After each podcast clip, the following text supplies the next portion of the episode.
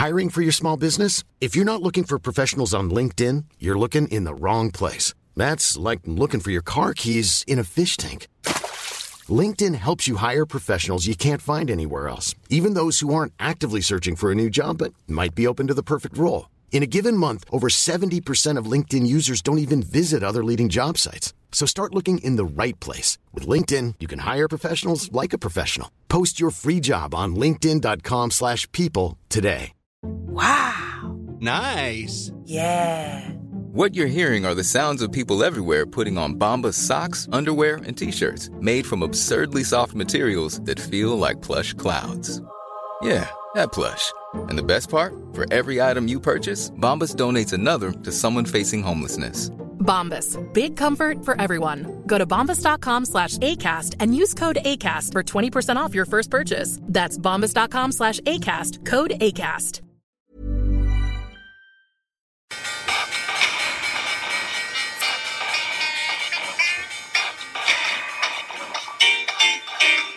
The governments don't rule the world. Goldman Sachs rules the world. Velkommen til en ny episode av Tid er penger. Det er episode nummer 32, og vi er tilbake nå etter eh, sommer, sommerferie og diverse. Ja. Er du klar for en ny sesong? Jeg er klar. Eh, vi er også tilbake med IG Market som samarbeidspartner på denne episoden av Tid er penger. IG Markets er en nettmegler for private investorer og tradere som er aktive i finansmarkedet. Hos eh, IG kan du handle et bredt spekter av markeder. Du kan handle alt fra eh, norske aksjer, utenlandske aksjer, eh, rente, eh, valuta, eksotiske råvarer, appelsin, sukker og sånne ting. Eh, til og med statsobligasjoner. Og i lang tid har du kunnet handle eh, kryptovaluta av diverse slag. Det er også tilrettelagt veldig bra for å shorte aksjer både i Nor Norge og utlandet, så det er mange kunder som etterspør det. Eh, du kan eh, ta kontakt med IG Markets via hjemmesida som er www.ig.com no warren. Da vil jeg ønske IG Markets velkommen tilbake til podkasten. Eh, hva er det som har skjedd i sommer, egentlig? Det, det, det er mye Thea. Ja, det er, det er vel de to T-ene. Tes Tesla og Tyrkia. eh, som, eh, som har utmerket seg. Og så har det vært for, forskjellige andre ting, men, men det er vel særlig det. Eh, jeg glemte jo selvfølgelig at vi må ha Nå er det for lenge siden vi hadde IG Markets med oss, men vi må ha et lite utdrag fra vår samtale som vi har med Erik Hansen. Eh, etter uh, etter podkasten er over, så, så, har vi en samtale med han. Og her er et lite utdrag fra den. Og når vi er ferdig med det, så kommer vi tilbake til de to. Ja, vi, vi erbjuder da uh, alle verdens ulike uh, aksjemarkeder. Alt fra Kina, Brasilien, Grekland osv.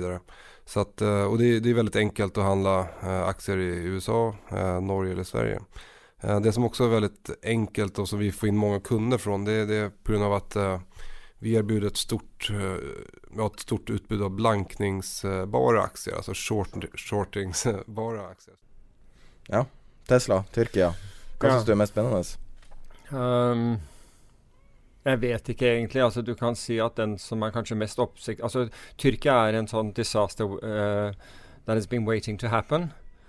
Og Tesla har vel egentlig på en måte vært der, og selv om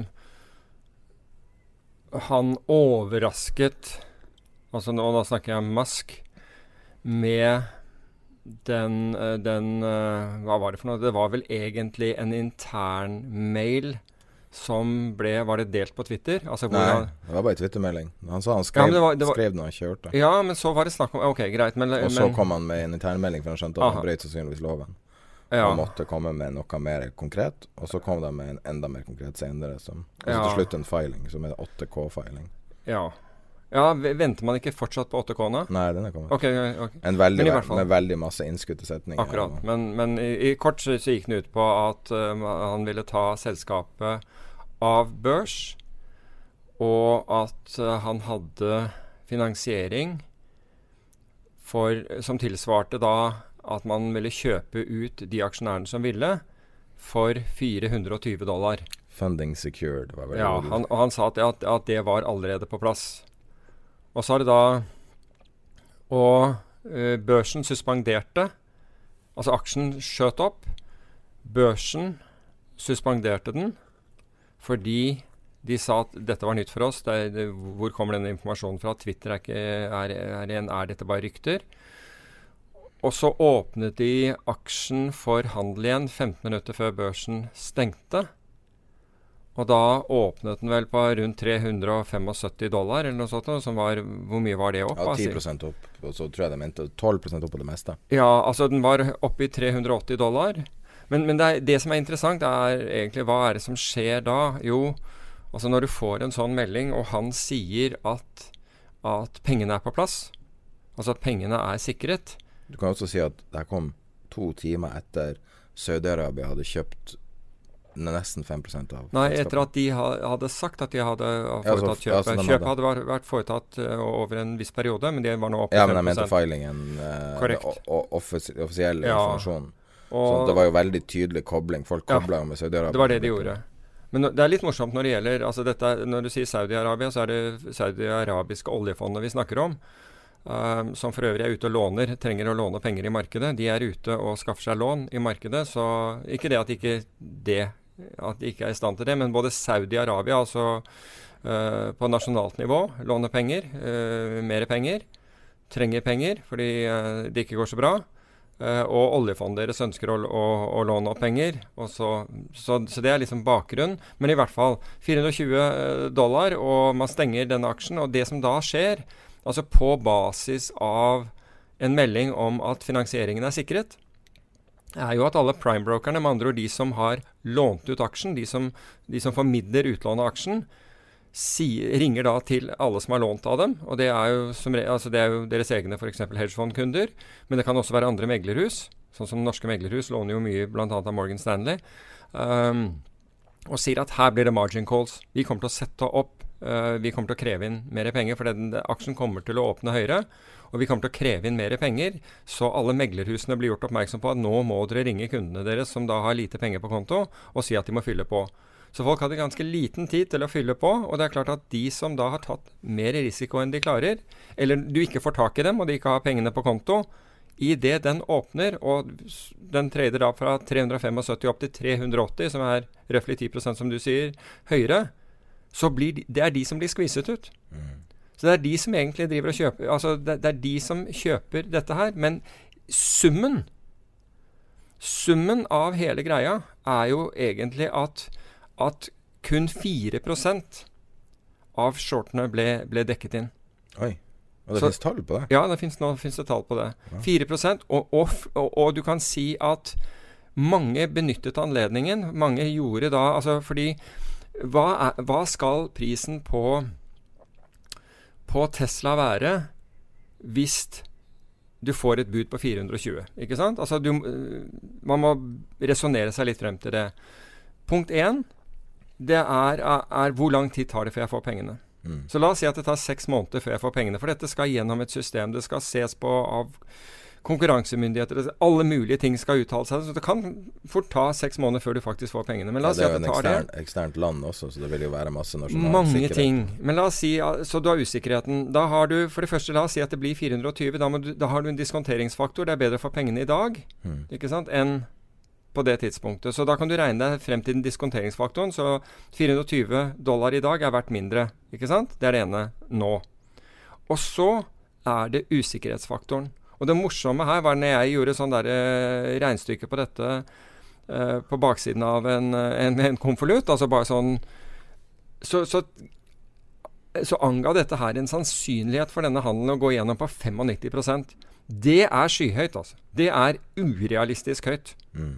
Helt urealistisk høyt. Så de som gjorde, altså hedgefond og andre, og det er tydelig nå at det har skjedd, gjorde den skrivebordsøvelsen, sa shorten mer. Mm. Her må vi ut. Denne her, ikke sant? her, Dette er en gyllen anledning, fordi det er usikkerhet, og det tar tid før vi får pengene til å, til å shorte denne, denne aksjen. Og, og, det kan hvem som helst gjøre. ikke sant? Du kan se på diskonteringsfaktoren, altså hvor mye hva, hva Du kan ta renten, altså du kan ta ja, ta én måned renten eller seks måneder renten, hva, hva, du vil, ikke sant, å bruke, slik at du ser hva, hva nåverdien av 420 eh, dollar om seks måneder er. Nå, nå bruker jeg seks måneder arbitrært. Det kan hende at det er kortere tid eller lengre tid, men du må liksom et eller annet sted må du estimere hvor lang tid det tar.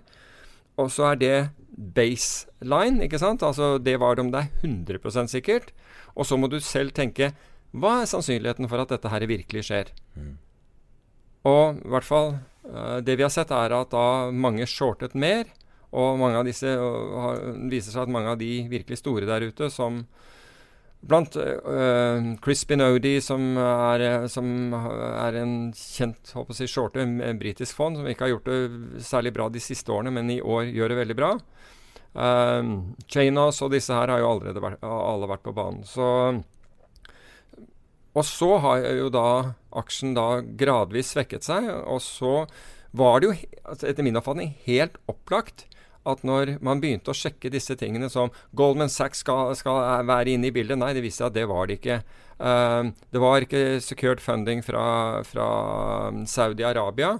Hvem kunne det da være? Ingen kom på banen. Ingen la frem dokumentasjon på dette. Det var tydelig at her var det, foregikk det et eller annet. Og så, ok, hvis dette ikke stemmer, hva betyr det? Jo, det betyr at amerikanske finanstilsynet kom på banen, garantert. Og det har de også gjort. Mm. Og de gikk bl.a. direkte på styret. Og til tross for at styret i Tesla blir betalt 4,2 ganger så mye penger i styrehonorarer som nummer to på listen av, av uh, høye styrehonorarer blant bilfabrikanter, Ford, så var det ingen av de som hadde lyst til å, å, å tilbringe tid, tid, bak murene. Så de sa nei, funding ikke, var ikke secured. Og, nå, og her, nå, nå, ruller da denne SEC-etterforskningen, um, hvor de har bl.a. Um, hvor de har bl.a. Uh, varslet forhør av, av en, en, en, rekke personer. Mm. Og, har da, og nå er jo aksjen vesentlig lavere enn den var forut for dette oppkjøpstilbudet. Så spørsmålet er hva, hva, hva, som kommer ut av dette her. Og Ned 3 i pre-market i dag. Er den det? Ok. 10 ja, ja. Nei, 9 på fredag. ja, riktig. 9% på fredag. Så, ok. Den er ned eh, 28-30 eller noe sånt. Ja, nærmer seg 30 nå, ja. Kan være 30 i dag. Eh, fra, fra toppen, ja. Men så kan du si at hva Jeg minner så mye om en eller annen, Altså.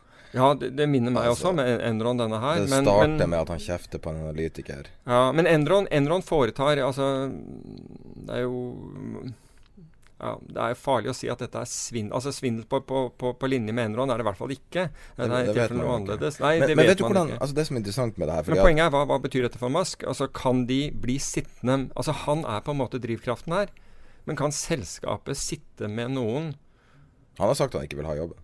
Ja, og, og det, kan jo, være, det kan jo være at han ikke kan ta jobben heller, hvis, hvis, hvis han blir funnet skyldig i kursmanipulasjon. For da åker du inn. Så jeg vet ikke hvordan uh... jeg, jeg, kan aldri jeg, i, i, min liksom I nåtida så har jeg aldri sett en større fall from grace fortere enn det her. Det Altså, han er blitt Jo, han er blitt i, Bernie Madoff var jo enda raskere. Når det sprakk, så sprakk det jo på en dag, omtrent. Var han så kjent, egentlig? Nei, han var ikke så kjent som Elon Musk. Han var, han var så kjent i, i, finanskretser, men nei, kanskje, altså, nei, det var mange i Norge som ikke visste hvem han var. Hadde peiling på hvem han var. Ja, frem til da. Men det er jo Vet du hva, det er som Vi, vi snakka om, uh, om Elon Musk uh, Nei, om, om Bernie Madoff uh, for noen episoder. Ja. Og, og, så spurte skal, skal jeg fortelle til noen jeg kjente? Jeg husker du sa det, ja. Og så sa jeg, jeg bare ingen reaksjon. Så bare. For jeg skulle liksom si det her som en sånn big deal, at du hadde vært uh, At jeg ble kontakta av dem. Jeg husker ikke hva det var engang. Men, jeg, var ikke alene om det. Nei, ja, men at du Og så var det liksom sånn Det var liksom sånn et punchline på en historie. Og vedkommende hadde aldri hørt om han. Nei. Og så sjekka jeg med to andre som heller aldri hadde hørt om han. Og også med bildet. Det bildet er jo helt ikonisk når han går med den der uh, den rikingjakke bortover uh, Med han, Ja, nei, når han, det, der, det der på gata, når han gikk med caps nedover gata, det, oh, ja. det bildet ja. som ble brukt mm. overalt. Jeg tenkte jo at alle på jorda visste hvem han var. Men særlig ikke det, altså. Nei, men jeg skal fortelle deg en annen ting som eh, alle på jorda ikke vet hva, hva er lenger heller. Det er risiko. Det er også helt glemt. altså, folk, folk tror ikke at det eksisterer lenger. Så Hvem er det som investerer Altså, det er noe som heter 'ikke investere i røde eller varme land'. Det er farlig. Ok. Hva er Georgia? Den, ja. Dagens Næringsliv i dag, ja. Altså, det er der- så tragisk, det der. At Ja, det er virkelig tragisk. Så slik jeg forsto den det, jeg, jeg la også merke til den. Og det var da en familie som hadde tjent milliard på å selge sin virksomhet, som jeg for helt ærlig ikke i farten husker hva var, og som har et tap Altså de har, og som investerer Altså risikerer 70% Altså hvis det er en milliard 70% av denne formuen på ett prosjekt i Georgia. For det første lurer jeg på hvordan, hvordan kommer du over det i utgangspunktet? Altså, og det andre er at har du aldri hørt om diversifisering? Altså, og hvorfor? Hvorfor? Altså hvis, hvis familien har, har det så godt Altså jeg mener at tallene er altså. 585 millioner i tap pluss 125 millioner til som de har garantert for. Det er jo helt forferdelig. Jeg tenker liksom hvordan Men, men det er ikke første. Og det kommer dessverre ikke til å bli den siste. Men jeg har hørt mange av disse Altså jeg har hørt dette nesten siden jeg begynte i børs her i landet. Nei, kanskje ikke fordi det helt til å begynne med så, så, så var det lite av, av sånne ting. Men etter hvert som børsen tok fatt, så hørte du om folk som da hadde solgt virksomhetene sine.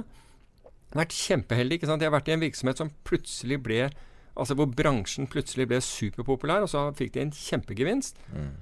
Og så kom noen uh, finansselgere på døra, eller på, sikkert på telefonen. Og neste er at de har blåst dette her bort. Og det har vært så mange av dem. Og sjelden havner de i media. Men, øh, men det har vært så mange slike tilfeller gjennom årene. Men jeg bare lurer på hva er det som får deg til? Altså Fins det ingen i kretsen din som sier du, er helt sikker på at vi skal ha så mye penger i et høl i bakken i uh, Georgia? For var det ikke det? Var det ikke Eller boret gjennom et eller annet fjell hvor de skulle ha vannet? Så, eller sånn uh, vindmølle i Kina, eller Ja, hva, Altså- hva, ja, men hva nå enn det er. Men hvorfor liksom ja, altså Hvis du virkelig tror på det, putt 15% på det, da. Hvis du virkelig tror på det. Men hva er det som får deg til å liksom gå ja, jeg kan, av skaftet? Når du, du har aldri vært megler, men du har nå vel hatt kunder på et eller annet vis. Hva er de verste kundene du har hatt? Hvordan profesjon er det? Eller, Profesjon? får jeg lov å gjette? Ja, det vet jeg ikke hvilken profesjon de har hatt. fordi du kan si de er facet jo Altså, jeg snakket jo ofte med institusjonene. Med sluttkunder, da? Altså sånn når du har privatpersoner? Ja, jeg vet ikke. De har vært Det er jo kjent at leger er de verste.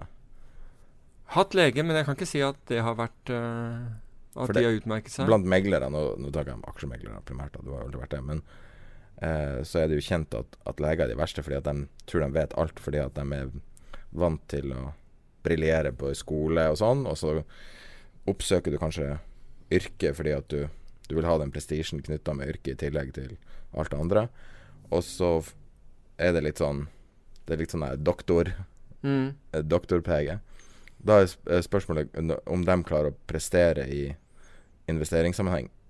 Så vidt jeg vet, så presterer de dårligere enn snittet pga. at de tror de vet okay. mer enn de kan. No, ikke altså, Men jeg, jeg kjenner jo Jeg har venner som er leger. Og og jeg oppfatter ikke de Altså, de er, de er veldig eh, sikre og klare på, på sitt fag, Mm. men jeg oppfatter ikke at, eh, at noen av dem faktisk mener at de, at de er eh, eh, eksperter på finans. Tvert imot så, så, så, så stiller de mye, mye smarte spørsmål.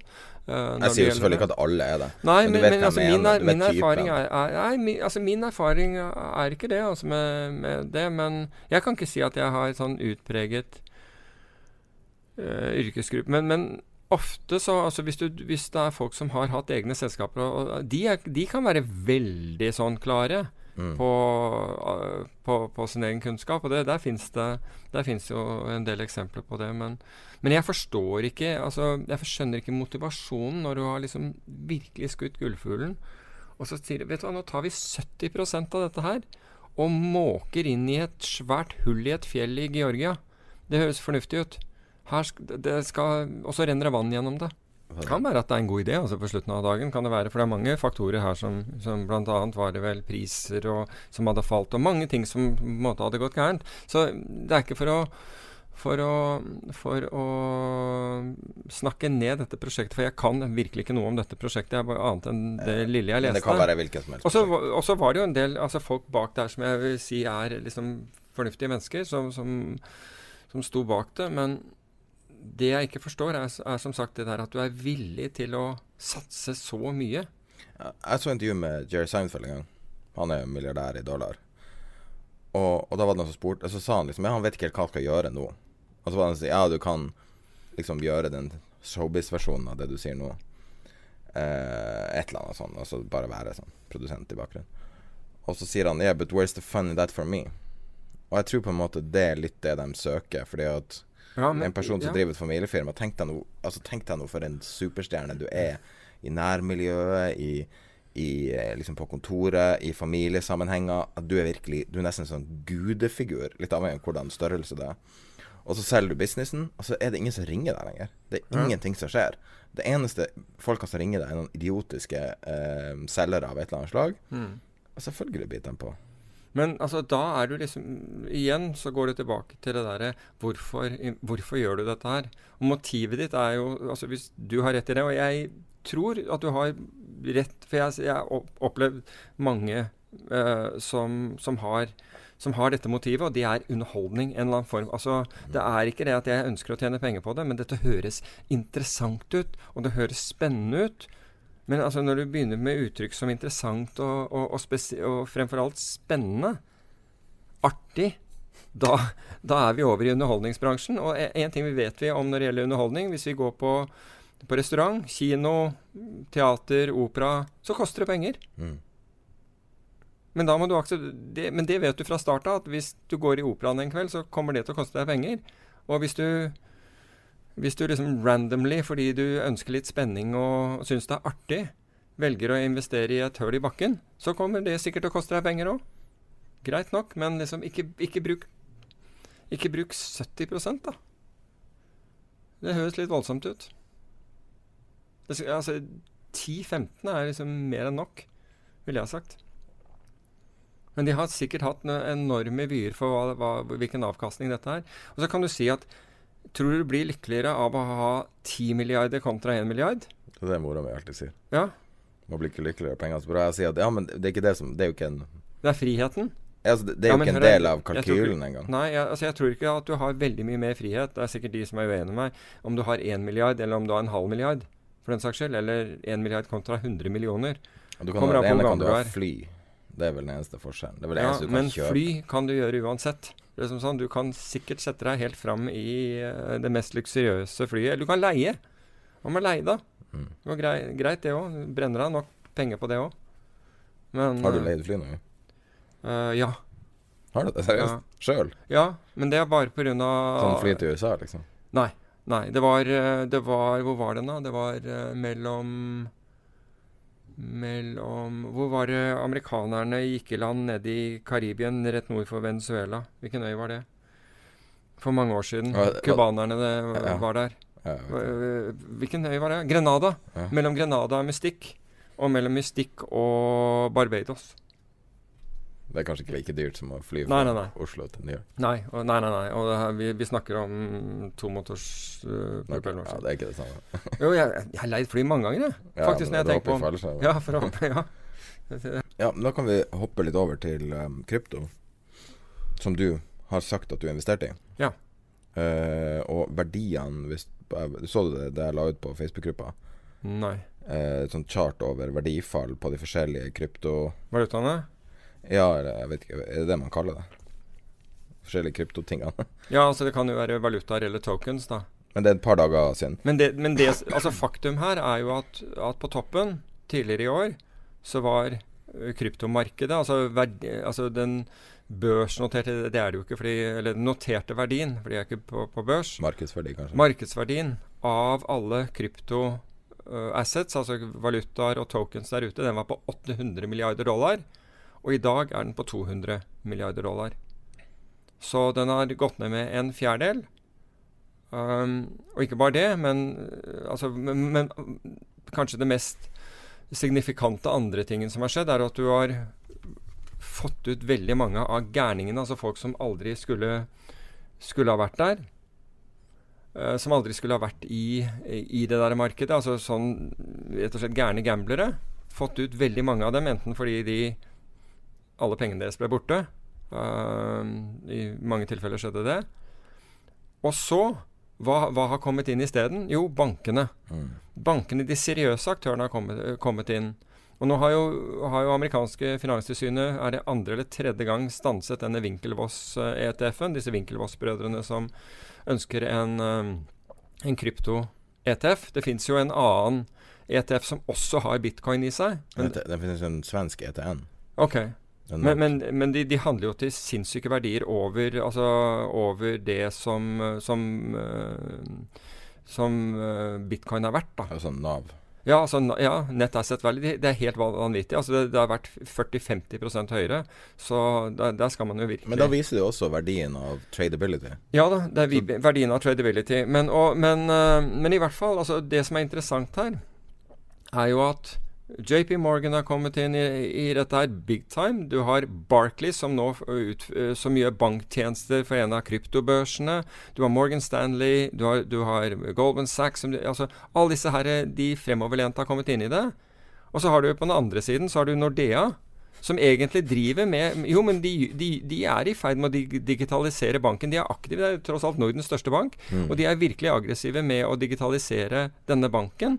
Men de har da forbudt selv ansatte å, å investere privat i, i, uh, i, i, krypto. Så det er litt Du har Nordea på den ene siden av skalaen, og så har du liksom en av verdens største banker, JP Morgan, på, på den andre. Og så har du liksom Goldman, ja. ja, så har du liksom en sånn gruppe av de smarteste gutta i gata, som det heter. Som da er liksom i den der sfæren hvor de, ja. hvor de er. Så, så men jeg, jeg, tror at den korreksjonen altså, det, altså Når du ser på det Vi har siden Uh, siden fallet startet, altså den korreksjonen startet, så har vi altså For det første har ikke fallet vært større enn det det var i Nasdaq når, når Nasdaq falt etter dotcom-boblen uh, sprakk. Um, men vi har vært nå tre ganger rett under 6000 mm. på, uh, for bitcoin. Det Ligger vel 6,5 eller noe sånt nå. nå. Um, og, og, hver gang så har vi gått litt lavere opp. altså Første gang så gikk vi, doblet vi nesten prisen. Andre gangen litt lavere, andre gangen litt lavere. Så det er litt sånn spennende hva, hva som skjer nå. Men uh, altså, tror jeg krypto er over? Nei, jeg, jeg er bullish på, på krypto. Jeg, men jeg er enda mer bullish på blockchain, fordi nå så du bl.a. Jeg tror det var Ontario Teachers, altså den store pensjonskassen selv i, i Canada, i Nord-Amerika, i Canada. Eh, eh, svært pensjonskasse som nå gjør en, en uh, obligasjon med, med oppgjør uh, via the blockchain. Mm. Så ting er på gang. Ja, nei, det, det, nå, nå, er det, nå, er det, forbi sånn tru og ikke tru. Og folk som har hørt på, på sin episode én, vil jo si at det har jo vært en opp- og nedtur der man har kunnet fulgt hvordan, hvordan vi har diskutert. Altså hvordan, hvordan det er skrudd sammen, det her. Og nå vil jeg jo si at for første gang at det her er seriøst. Nå er det noe du kan vurdere på et eller annet. Mm. Du kan sette noe til grunn. En av tingene som man, man snakker om også, er at uh, markedet, altså det øvrige markedet, obligasjonsmarkedet, aksjemarkedet osv., har blitt mer volatilt. Så det har begynt å, å, altså det som var problemet, var at det var så lite volatile markeder at tradere klarte ikke å tjene penger. Jeg tror bl.a., som vi snakket om forrige gang, at det er norske, norske selskapet, norske high frequency traderen, tradingselskapet som hadde tjent nesten 300 millioner kroner, jeg, jeg tror at de hadde Eh, jeg tror at de har vært inne i dette her. Og veldig mange som er inne i det markedet, tjener penger på disse svingningene. Uh, men nå konkurrerer jo litt svingningene med altså, tyrkiske lire, tyrkiske obligasjoner. Der så for øvrig ikke snakka noe om Tyrkia? Nei, det, det var den andre T-en, da, er Tyrkia. og en enkel Barclays-trader klarte å tape 18 millioner dollar på, på tyrkiske statsobligasjoner. Folk tenker på statsobligasjoner og tror at altså igjen, no, igjen, så er vi så vant med at det ikke er risiko, at når den kommer, så får du disse utslagene. Og så spredde det seg til Goldman har det samme. Altså jeg husker når Goldman kjøpte disse eh, venezuelansk stat, sta, venezuelanske statsobligasjoner Det ble vanskelig å si der.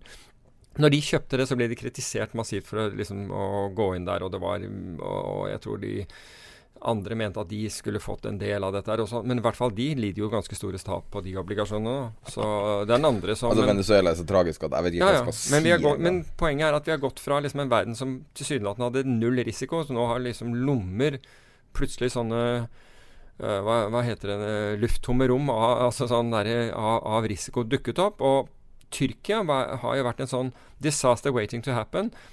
Den har liksom ikke blitt trigget ordentlig, fordi Tyrkia har spilt en, en viktig rolle i forbindelse med, med, med krigen i Syria. Altså Nato, eh, Nato har jo brukt basene til Eller Mm. brukt én base i, eh, i Tyrkia fordi, det var, fordi de fikk mye Altså flybase. Fordi de fikk, da fikk eh, Nato-kampfly mye, mye lengre tid over mål, time over target, enn om de launchet fra, fra hangarskip. Så, så det var Så man ønsket jo ikke å, å, å rokke denne båten og gjøre Erdogan sur. Er det derfor Erdogan eh, får lov å holde på som han gjør? Det er derfor han har fått lov å holde på i lang tid, ja. Men altså, ingen ville støte ham. Og så Men nå er det jo liksom Nå, nå har jo i hvert fall ISIL eh, og, og en stor del av, av disse Eller den gjengen der flyttet inn i Nord-Afrika. Problemet er ikke over, de har bare flyttet. Uh, og det gjør at Tyrkia er blitt mindre viktig i så måte, og da har, ser du at retorikken har dratt, dratt seg til.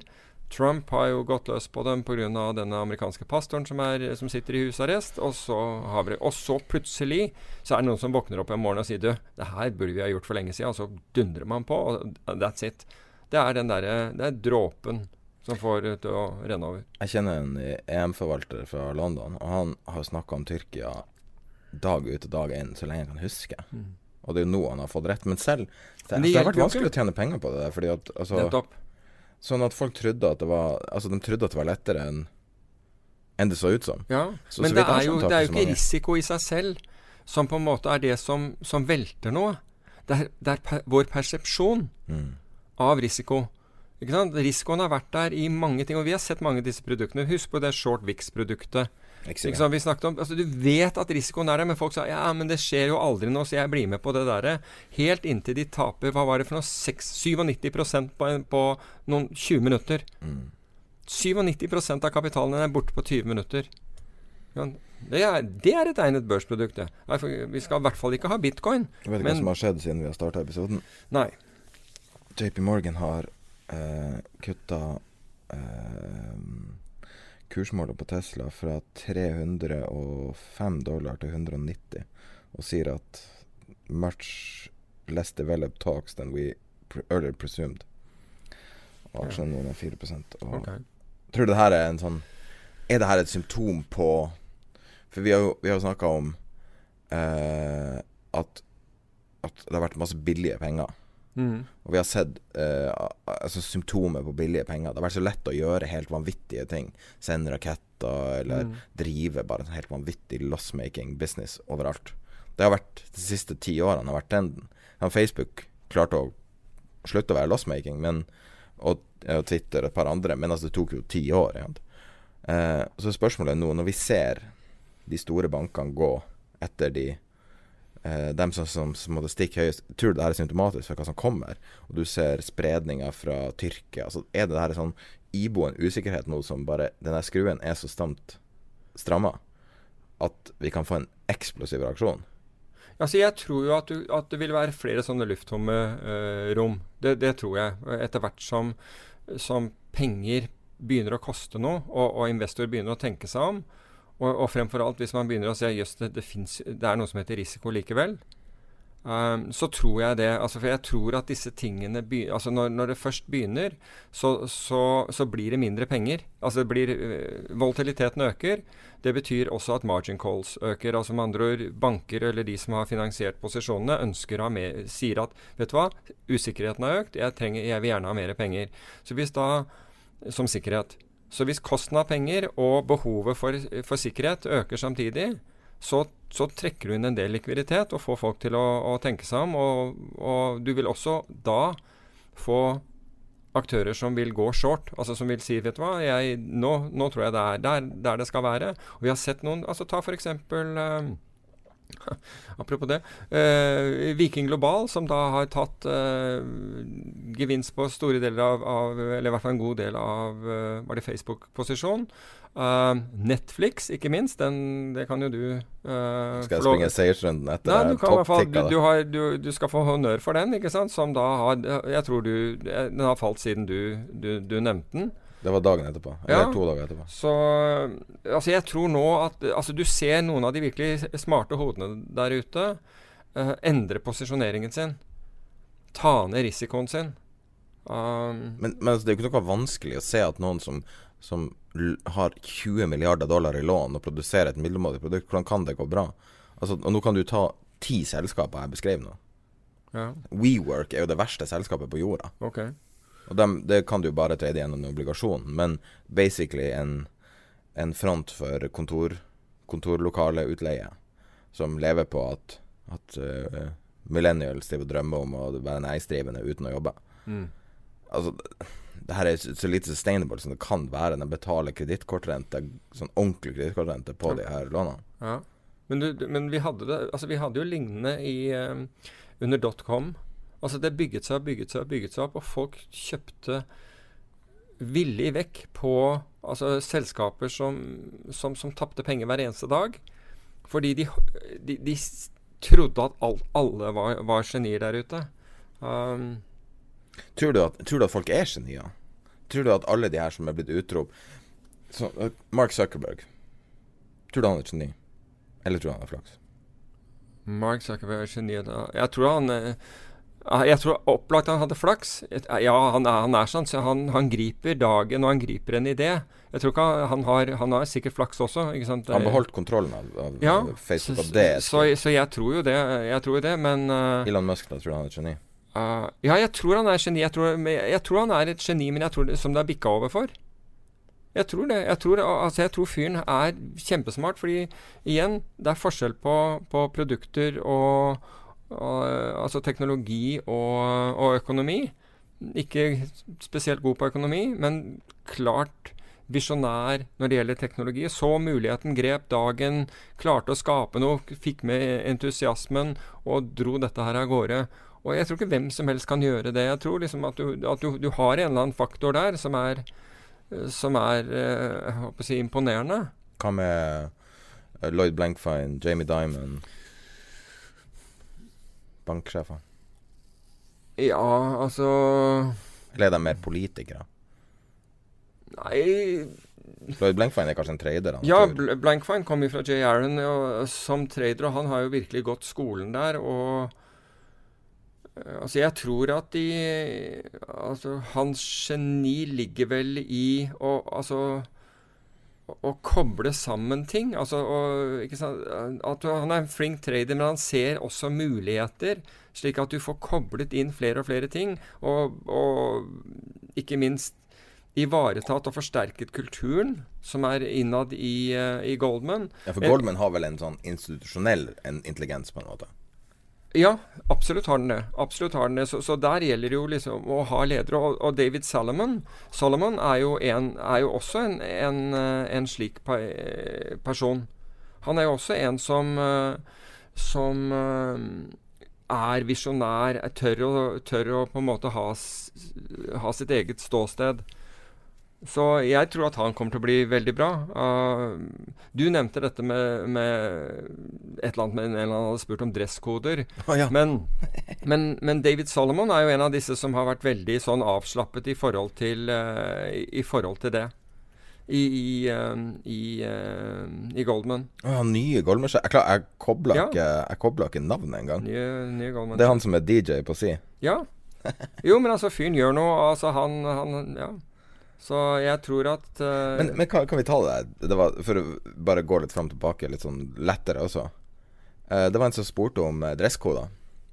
Ja. Jeg tror det er mange som lurer på sånne her mysterier. Du har jo lang fartstid i finans og har møtt uh, Sedda opp- og nedturer.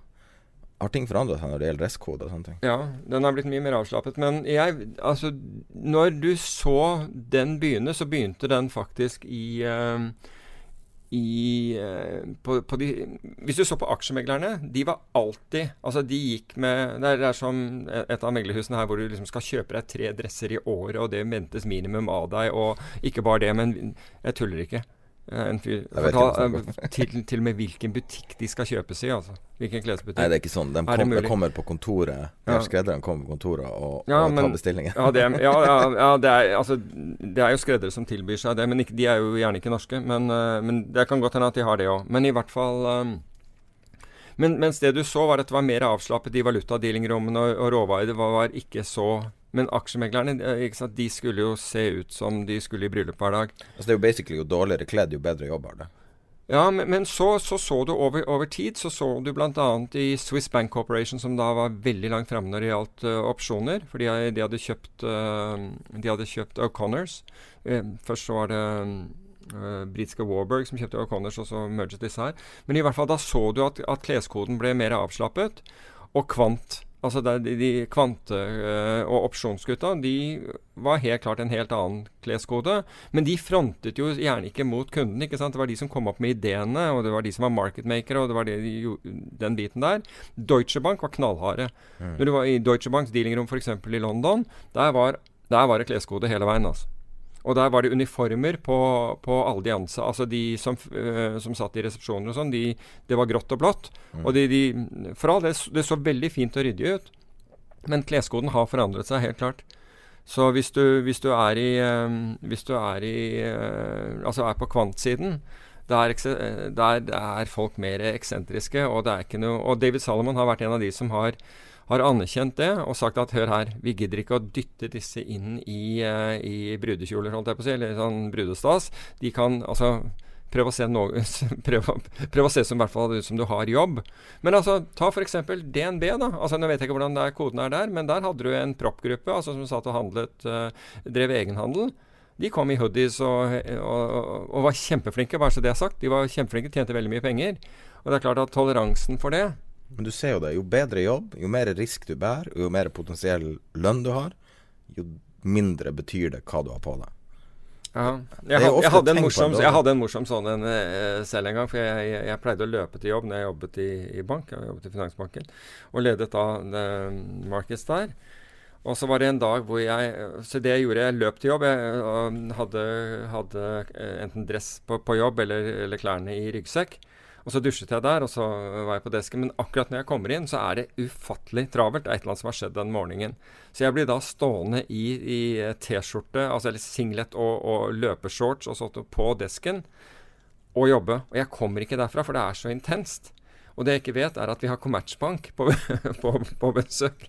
en relativt stiv tysk bank på besøk. Og de sitter da en, en etasje opp, og da sier han til ja, han het Stein Monsen, han er uh, karen i Finansbanken, som var ansvarlig for disse eh, eksterne bank Eh. Og så sier han der karen fra Commerzbank at du, han har en hilsen til meg fra en, av traderne i Commerzbank, en fyr jeg har handlet mye med. Så han hadde, hadde lyst til å møte meg. Og Stein aner jo har jo ikke peiling hvordan jeg ser, ser ut den der morgenen. Så de kommer ned denne vindeltrappen og, og blir stående og se inn der. Og han, han eh, ifølge Stein, han, eh, han karen fra Commerzbank, han er helt åpen munn. Altså, han hva er det som skjer her? Og så, når det blir et øyeblikk, så vinker Stein på meg, så går jeg bort og så hilser jeg på han, og så har vi noen ord. Og så, og så går jeg tilbake. Og så Stein prøver å få han uh, Commerzbank-karen ut av, uh, ut av uh, dealingrommet. Uh, men han blir, blir, stående, og så sier Stein var, var det noe mer? Og han er fremdeles Det var kleskoden da, som han gikk på. Og så sier, så sier han derre karen, og det var jo for så vidt hyggelig sagt, men sikkert på feil grunnlag, at 'he must be really good', sier han det, og, og meg. Og så sier Stein ja, ja, han er det. Og så får liksom dyttet fyren fyr, fyr, fyr opp trappen igjen. Men så ja, kleskoden har forandret seg, men, uh, ja, men ja, som jeg har sagt, altså DNB var jo uh, langt fremme når det gjaldt, gjaldt, det. Jeg vet ikke hvordan det er der i dag. Lokalene deres er iallfall uh, ordentlig bra, så fine. Så det er, det er sikkert litt stivere. Muligens. Mm. Men, men, men du, du, snakket om dette her tilbake til hvem, hvem er det som er superflinke? Hvem er det som er, er genier? Det her, der synes, jeg fant jeg et bra sitat forleden. Det var av Mark Valberg. Altså han som er. Ja, men la meg la, I, i, i filmen ja, det, kan, nei, det, det er ikke det, men i filmen The Gambler, hvor han sier at. 'genius is magical, not material'. Og det er faktisk godt sagt. Det er faktisk godt sagt. 'Genius is magical, not material'. Men, men, Så det er perception, liksom.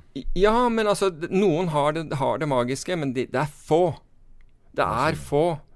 Og vi, altså Hvis du ser, går tilbake til den der debatten om hvem er det som klarer å gjøre det bedre enn markedet og alt mulig sånn, altså der tror jeg at eh, Der er det klart persepsjon, fordi jeg tror ikke man har analysert resultatene, og, og spesielt over de ti siste årene. Du skal virkelig analysere de resultatene for å se om noen faktisk har merverdi. Andreas Halvorsen.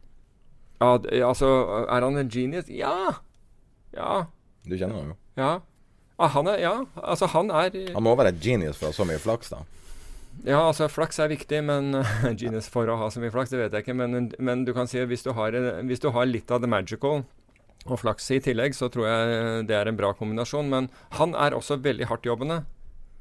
Ingen tvil om det. Han tar ting veldig seriøst. En kompis av meg eh, skulle beskrive en veldig kjent finansmann som han hadde vært involvert med. Som har tjent veldig mye. Og han jobber med han, og han er en person som har veldig bra eh, eh, i media. Og da sa han at han var ikke så veldig smart, men det var ikke så farlig. Fordi han sto opp klokka fem på morgenen og jobba Han jobba liksom en hel arbeidsdag når du står opp. Sånn at hva enn han hadde Hva enn han ikke hadde i smarts, det tok han igjen på bare å bare ikke gi opp. Malcolm Gladwell-type greie. 10 000 timer. Ja. Ja, men altså, jeg tror det er noe i det. Altså ønske om å jobbe. Være glad i å jobbe. Være Ja, glad altså- i det du driver med. Gjøre innsatsen. Og Gjøre innsatsen, fortsette å gjøre innsatsen. Og den boken, Jeg husker ikke hvilken, hvilken bok det er hvor Gladwell snakker om de 10 000 den største, i hvert fall. eh, timene. Tipping point, er det? Eh, er det det? Nei, jeg tror ikke det er tipping point. Jeg tror den kom etter tipping point, men jeg kan ta feil. Um, vi kan finne ut det slik at du kan legge Men det som, er, det som er interessant med den Gladwell, for det blir gjentatt og gjentatt 10 000 timer Men Ja. han har jo gått tilbake på det. Ja, altså, det har jo vært gjort forskning, men, men poenget er at Og det er jo ikke han heller, det er jo Det andre som har ja, det er ja, det er riktig, si og han viser jo til det, også til det. Men, men det viser seg at liksom, hvis du jobber Altså, det er viktigere enn å ha talent og alt det der andre. Altså, hvis du er villig, gjør du jobben. Altså, bare gjør nok. Mm. Fortsetter og fortsetter og ikke gir deg.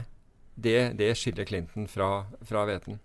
Ja, det, det finnes jo et sånt fantastisk bilde, en tegneserie, der det er to stykker som driver graver en gullgrave, eller sånn dia- diamantgruvegravere. Og så er det en som går liksom med øksa over, uh, over skuldra hjem, og så er det liksom en millimeter igjen til diamanten gir opp. Ja. Og det er jo litt sannhet i det der at, at det er liksom det femte året når du driver business, og det er da du virkelig ser det. Og før det så lever du som du er konkurs. Det er det Ja. mange sier. At det er sånn Og jeg, jeg tror det er litt i det der, altså. Ja, du så jo Hva var, hva var det? Det var gjort en sånn studie over liksom folk som da tilsynelatende hadde gjort det fantastisk bra. Men gjennomsnittet av de menneskene var, var at når, når de slo gjennom, var Da var de over 40. Mm. Overnight successen tar 20 år. Ja, ikke sant? Så med 10 000 timer var, sant? så skal du holde på litt. Ja, fem år eller noe sånt. Du må, du må ikke gjøre noe særlig annet. Um, og jeg tror det. Jeg, jeg, absolutt. De som er villige til å gjøre jobben. Um, jeg, tror, jeg tror det er eh, om, om det Altså, det, utelukker ikke det at det er, det er en fordel å være uh, smart hvis du, har, hvis, du har de, hvis du er heldig og har, har de uh, fakultetene, heter det på norsk? Faculties. Uh, men i hvert fall, hvis du er det, så er jo selvfølgelig det hjelp. Men det du ser, er at eh, ofte er at folk som som presumptivt er smarte, da, er kanskje er late og faktisk ikke gidder å gjøre jobben. Og så blir de så blir de passert av de som Jeg, jeg vet ikke om jeg tror det. på ordet smart engang. Være helt ærlig. Nei, fordi altså, vi må i tilfelle definere det.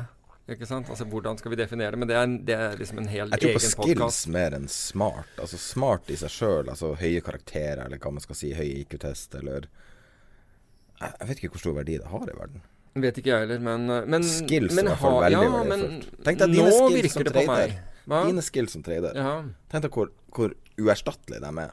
Du Ja, men- mister dem ikke. Du Nei, går men samtidig altså det, Your trading skills er altså Jeg har jo hatt perioder hvor jeg liksom også Hvor, jeg ikke, hvor alt jeg tok i, gikk feil. hvor, hvor, du kunne rett og slett Altså alt du kjøpte, gikk ned, og alt du shortet, gikk opp. Altså det, Men hvis du sånn, gikk i null Hva sier du? Hvis du gikk i null, Ja. helt i null, som noen gjør eh, i, i din bransje, så kunne du ha jobba deg opp igjen til å bli ganske stor. Ja, Kjell altså, Inge du- skills. Han gikk i null, eller jeg husker ikke hva det var, men han tapte jo veldig mye. Og vanvittig comeback. Ja, ja. Men det er jo fordi han fortsetter og fortsetter og fortsetter. Og, og, og sånn var det med meg òg. Men, det er- men og, og det som uh, sånn trading-coacher og sånt nå kan hjelpe deg med, hvis de er, altså hvis det er flinke folk, det er jo nettopp å, å få deg til å, å Altså hvis du sk Jeg måtte snu meg selv, for jeg hadde på en måte ikke noen å lene meg på som da kunne fortelle meg hva jeg gjorde feil. Fordi du klarer ikke å se deg selv utenifra, spesielt ikke når det går dårlig. Da, da føler du jo at hele verden er mot deg. Uh, og, at, uh, altså du, For det første er det å ta ansvar for, e for, for, egen, eh, for um, egen handling. Det er jo kjempeviktig å gjøre, og for egne resultater.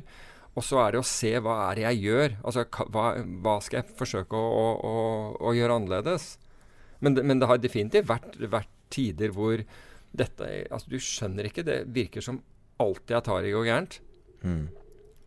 Og, og da skal du ha den derre uh, Ja, vi snakket om det forrige gang. Da snakket vi om den utholdenheten. Den derre at du at du, du tåler den smerten. Altså at du, at du ikke bare sier Vet du, jeg, dette, jeg orker ikke den smerten lenger. Jeg syns det er så ubehagelig å se røde tall og vite at jeg ikke får lønn. eh, Og jeg, ikke sant, alle ser på deg og vet at du har tatt penger. og jeg orker ikke det der mer. Jeg tar heller en annen jobb. Jeg, dette fikser jeg ikke. Mm. Og så har du de som, som på en måte aksepterer dette her, sier at ok, jeg lærer noe Altså så lenge jeg lærer noe det, dum, det dummeste du gjør, er å gjøre den samme feilen to ganger. At du har gjort den én gang, er lærdom. Når du gjør den to ganger, da, da er du Ikke sant? Det er en dumhet. Og, det, og det gjelder å gjøre så lite dumt som mulig. Men at du kommer til å få deg smeller, det er jo helt sikkert. Spørsmålet er om du klarer å ha Om du har utholdenheten. Og jeg tror at Jeg tror de fleste kan kan, øh, kan lykkes hvis de bare er villige til å øh, gå gjennom perioden med ubehag. Mhm. Det var en som skrev til meg nå, eh, faktisk i forrige uke. Så det ikke fordi jeg hadde vært i utlandet, så jeg responderte på det. Og, og han sa at største problemet var, var for ham var ikke det der å ha rett eller galt, altså finne noe som en aksje som gikk.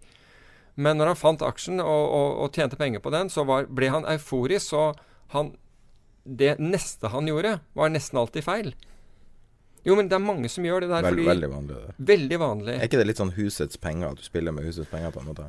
Jo, muligens, men han her spiller med, med slik jeg har forstått det, jeg kjenner ikke vedkommende, uh, med, med, med sine egne penger. Så hva kan jeg gjøre for å rette opp det? Altså, ikke sant? Hva kan jeg gjøre for ikke sant? Men han innså hva det var. Det var liksom denne følelsen av eufori. Mm. Ok, greit. Så når jeg får den, får den jeg, hadde jeg hadde akkurat det samme. Jeg fant ut at det var helt greit å kjøre hjem og ha den følelsen av eufori.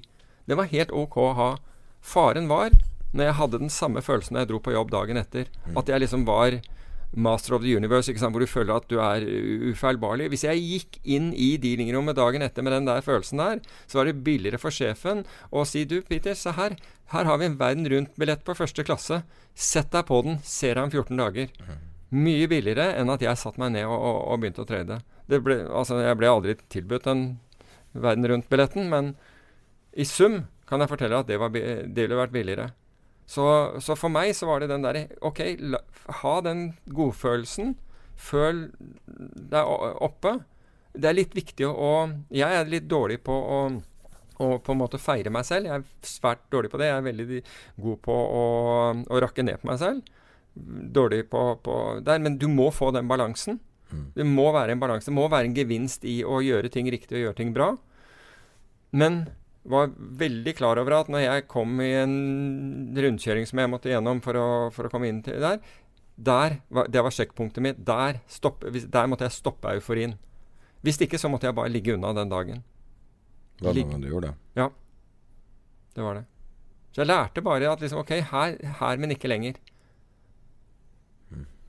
Så Nei, det er jo det som står i alle bøker hvis du skal begynne å trade. Så står det jo at Det står overalt, og det irriterer hvis du, hvis du angriper det her som en rookie. Så står det alltid at du må vite hvem du er, altså ja. hvordan type person du er. Men jeg kan fortelle deg én ting, at uh, aksje- eller finansmarkedene generelt er et dyrt sted å finne ut hvem du er på. Det må du være forberedt på. Det er, kan, og det kan være kjempedyrt. Mm. Men du burde vite det før du starter det det står i de bøkene. Ja, men problemet er at folk gjør ikke det, fordi de har ikke følt den risikoen. De har sittet og papirtradet, og de har gjort mange andre ting og, og føler seg ufeil... øh, ikke sant? At de har, at de har uh, uh, godt grep på dette her. Men i det øyeblikket risikoen er der, og du tar den, og du har liksom trukket i avtrekkeren, da er, da er, da er det annerledes. Det er som å, forskjellen på å skyte med, med løskrutt og, og, og en Skype-situasjon. Det er to helt forskjellige ting. Det er helt greit å Det er som paintball. Ingen som er redde for å få en sånn derre en sånn der uh, fargeklatt i, i, i ansiktet. Eller i ansiktet er det jo antakeligvis, men der har du vel maske. Men folk er ikke redde for det. Men liksom hvis dette her var noe som rev av deg armen, hvis det traff armen din, så, så beveger du deg på en litt annen måte. Det er veldig vondt å bli skutt med paintball. Ja, ja, men det gjør vondt, men ikke sant? Ja, det, gjør, det, svir, det svir litt, men, men, det, men du Men du ser overlever. Ja, men du overlever, ikke sant? Det, ikke, det, det har ikke de dramatiske konsekvensene at, at du mangler en arm, eller et ben, eller i verste fall livet ditt. Forhåpentlig. Bare gå tilbake til vårt originale tema. Tesla er nå ned 5,3% Au. Eller hvorfor sier jeg au? Det er helt greit, Ja, du er short. Og, Ja, så det og du konstru- jeg vil også bare minne folk på hvordan du konstruerte traden. Via opsjoner som gjorde at du ikke kunne bli skvisa ut. Ja, og det var det som Men det var jo hele hensikten. Fordi du får altså en aksje hvor 27% av aksjene er lånt ut til shortselgere, så sier det seg selv at du kan få noen solide rekyler. Og at det skal lite til å drive det mot deg. Så du må på en måte ta litt høyde for at, at det kan skje. Og det, og det er faktisk viktig å sove godt om natten. Søvn er viktig. Eh, Jeg vet en, en Twitter-konto som jeg tror du følger, eh, som er ganske fin å følge. Det, Twitter er så mye støy at det er helt vanvittig. Men den som heter Delta One, Nei, jeg følger den ikke. han deler bare overskrifter fra Bloomberg. Oh, ja. Det er som har Bloomberg-terminal. Han sitter og deler hele dagen lang en tredjedel. Yes. Så det, alle de viktige tingene kommer ut der. Så Jeg følger vel Jeg tror jeg følger 8, 58 eller 59 mennesker eller noe sånt på Twitter. tror- Men Delta One kan jeg ikke si at jeg har sett. Jeg tror ikke det. Men eh, jeg kan ta feil. Jeg tror jeg sto, stort sett har begrep om hvem, men hvis Peter C. Warren. følger den Mm. Har den et annet navn, eller? Uh, Walter Bloomberg. Å ja. Ok, ja, da, da er jeg med. Da er jeg med. Ok, Jeg visste ikke at han hadde handle som var helt Delta One. altså alle hans eh, meldinger er stjerne foran sånn. En okay, uh, flash. ok. Ja, ja, flashmelding. Walter Bloomberg. Ja, det, da, det navnet kjenner jeg. Men det, det er ikke så dumt å ha det, fordi Bloomberg-terminalen koster For mye. Herregud, det er dyrt. 200 Men, 000 men men greien er at nå er, nå er jo de sterkt utfordret også. ja. på, på dette chat-systemet, ikke sant, hvor Goldman og disse andre har gått sammen om den der. Så vi får nå se, fordi det, det er jo en del andre uh, gode alternativer til Bloomberg der ute. Uh, men veldig mange har måttet ha Bloomberg pga. det chat-systemet som er mellom. Og vi brukte jo det at vi ber om priser over det, det, det chat-systemet. Altså du ber andre banker om priser på valuta, eller hva det skal være, eller opsjonskombinasjoner, eller Mm. whatever. Um, så du trenger jo et system der, men når du nå dekobler det over til dette andre fordi Du kan betale kun for chatten. Koster nesten ingenting. På Bloomberg? Ja, Du må ha én terminal, og så kan du betale for masse chatkontoer. Ja ja, men, men, men, eh, men poenget er at folk Ja, ok, det, men det er nytt. Som respons Det er nytt, på det. ja, Før så måtte du ha en terminal per De fleste ønsker å Altså Hvis du skiller disse tingene av, sånn slik at du, at du kan nå kommunisere med motpartene dine på en annen måte, så, så tror jeg at mange kommer til å ta andre informasjonsterminaler. Men Bloomberg, altså jeg, Bloomberg er en veldig bra terminal, men den er, som du sier, kostbar. Det er en grunn til at uh, Michael Bloomberg er en av verdens rikeste. Ja, riktig. Uh, kan vi svare på noen av spørsmålene du har fått fra lyttere? Jeg la inn en sånn spørsmål på Facebook-gruppa. Nå er vi over en time her nå, så jeg tror vi dropper å kjøre en to timers lang episode. Ja, ja. Um, det er en som lurer på uh, emerging markets-valuta um, knytta til Tyrkia-braket. Vi så jo en viss tendens til at det kunne være spredning til Sør-Afrika. Eh, Mm. Hongkong-basert eh, one Altså Men altså hele emerging markets-greiene har jo hengt litt sammen her. Ikke bare pga. Tyrkia, men pga. Venezuela. Og, og, altså det har vært andre land som har påvirket det. Og hvorfor påvirker disse her hverandre? Jo, fordi de befinner seg bl.a. i indekser. Så Emerging Markets Index. Alt blir påvirket av, det samme. Og emerging markets har slitt litt. Eller ikke slitt litt, det har slitt i flere år. Og så begynte det å komme tilbake, og så får du denne her usikkerheten. Og så slår det ut. mm. Uh, men det er jo ikke en sånn direkte relasjon. Annet enn at det, altså når det påvirker visse råvarer Men er det, skrem, er det skremmende at, at folk begynner å, å eh, eh, oppsøke f.eks. Uh, Sør-Afrika eh, i forbindelse med det her? Altså helt obvious kobling. Det, er i hvert fall en tendens til spredning. Ja, ja jo, men det er, det er, en, ja, det er, en, er en tendens til, eh, til spredning, men ikke så, ikke så merkelig, fordi du kan si at uh, altså de fremvoksende markeder, altså emerging markets, regnes som, som én aktiva klasse, ikke sant? mens mer utviklede markeder, altså USA, Storbritannia, Europa, Norge om du vil, er regnet som mer utviklede markeder. Så folk har Altså, man driver jo og sjonglerer mellom disse som om de skulle være to helt forskjellige aktiva klasser. Mm. Eh, Så, så det er ikke så merkelig det, fordi man sier ok, nå øker risikoen innenfor i hvert fall oppfattes at den øker innenfor fremvoksende markeder, og så er man mer forsiktig. Da, så allokerer man mer f.eks. Til, til, eh, til disse andre markedene, de Ja. mer utviklede. Har du noe forhold til Gaming Innovation Group, det norske børsnoterte selskapet? Nei, jeg, jeg, jeg så en eller annen overskrift med det i løpet av sommeren. Det, og det, det Nei, jeg har ikke noe forhold til det. Ikke. Eh, En spørsmål eh, om eh, opsjonstrader for småinvestorer. Han snakker om iron condors, credit spreads etc. Han sier har prøvd litt, men det er veldig stor spread. Er det norske markedet rett og slett for lite likvid til å få avkastning? Er det bedre å gå på det amerikanske markedet, osv.? Ja, er svaret på det. Ja, det er bedre å gå på det amerikanske markedet, og, og gjerne det europeiske markedet generelt, f.eks. gjennom Eurostox. eh, altså Eurostox 50, opsjoner på det, og, og, og enkeltaksjer i USA eller indekser i USA. Årsaken er at, som eh, den som spør er inne på, spredden er mindre, kostnadene er mindre. Er, altså, du, du kan ikke gjøre dette her i det norske markedet, fordi nettopp spreddene kostnadene, og det er ingen som stiller priser på kombinasjonen. F.eks. Iron Condor, da, som er fire ben spredd, uh, som du skal gjøre. I Norge så, så krysser du da i tilfelle fire spredder og betaler fire kurtasjer, fire børsavgifter, fire clearingavgifter osv. Hvis du regner på altså siden den har, Hvis du regner på hva du kan få ut av den, så, så er sannsynligheten for at du tjener penger, utrolig liten. Megleren din vil elske deg han vil absolutt elske deg hvis du gjør det, fordi eh, de, de tjener helt sykt på, på, på at, at du gjør det der i, i kurtasje. Men det som er, er at i de mer utviklede markedene, og, og Norge var det, men er ikke det nå lenger for, for opsjoner, så kan du få gjort spredder. Du kan få gjort spredder i, i Norge også.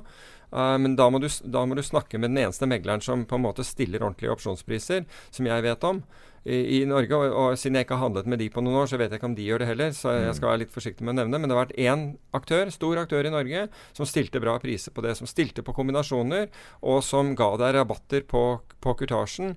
At du f.eks. betalte, hvis du var en um, firebensbredd, betalte øh, betalte For det første betalte du en spredd på en bid office-spredd på alle, alle fire opsjonene.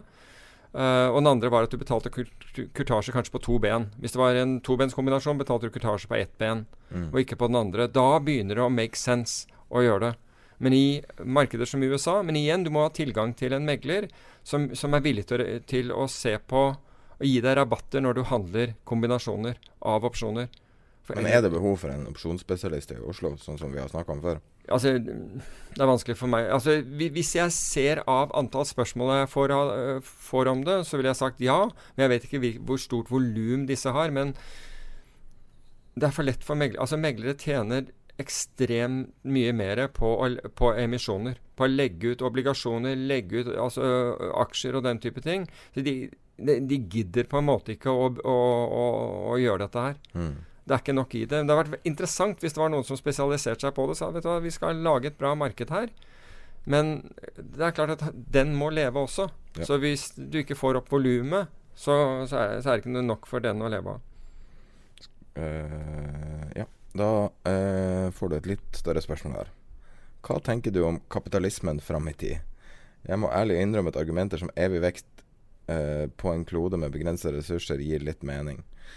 Eh, er som sagt ikke Gir litt mening. ja. Ok. Uh, jeg tenker eh, fungerer ut Altså han tar forutsetning uten økt vekst, økt forbruk.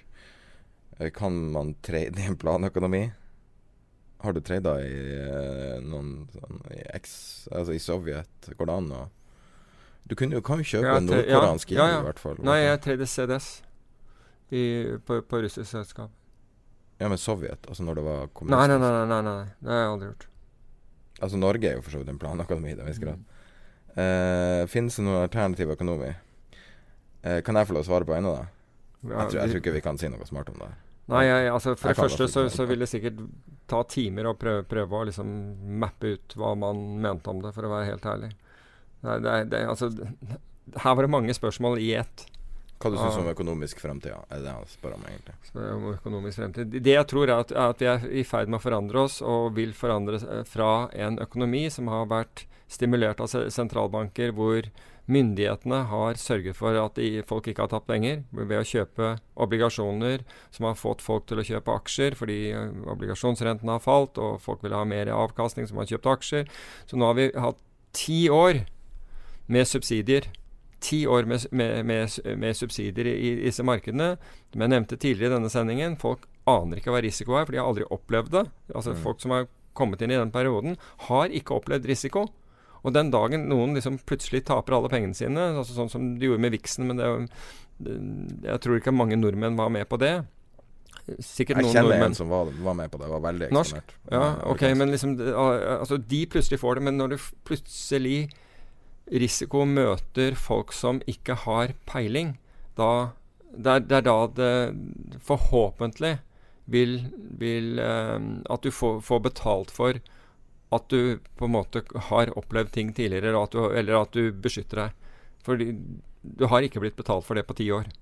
Hva du syns i det Tesla er ned 7 Hva du syns om eh, priva, altså med å privatisere, altså eh, antibørsnotere, som er blitt den nye trenden pga. Tesla? Ja, nå bruker folk det der for nå, Har du sett noen som driver og markedsfører private equity-fond? Og se, nå, nå blir det kjempebra å være i private equity. Det er der du skal være. Så jeg nå en, en skrive. uh, som riktignok selger private equity-fond. uh, men altså, hva er fordelen med det? Fordelen, uh, altså, ser, altså, fordelen kan være at du får mer fred rundt selska selskapet. Men Hvorfor har du ikke fred rundt selskapet? Jo, fordi du har spredd dette selskapet på, børs for å få en mest mulig kapital til selskapet for å utvikle selskapet. Men det, det følger et ansvar med den, den kapitalen. Um, og det er at uh, folk vil gjerne at du, du, du tjener penger. Uh, ikke bare kaster bort pengene deres. De vil ha en progresjon på det. Så det, det følger et ansvar, og folk forventer noe når, når du sier at du skal gjøre ting. Og når du da ikke gjør de tingene, så blir det litt vanskelig. Men det er kostnaden ved å gå til det som kalles the public market og be om penger. Både gjennom eh, aksjeemisjoner og gjennom obligasjonsemisjoner. I det øyeblikket du tar det privat, så har du plutselig ikke den tilgangen til kapitalmarkedene som du har hatt.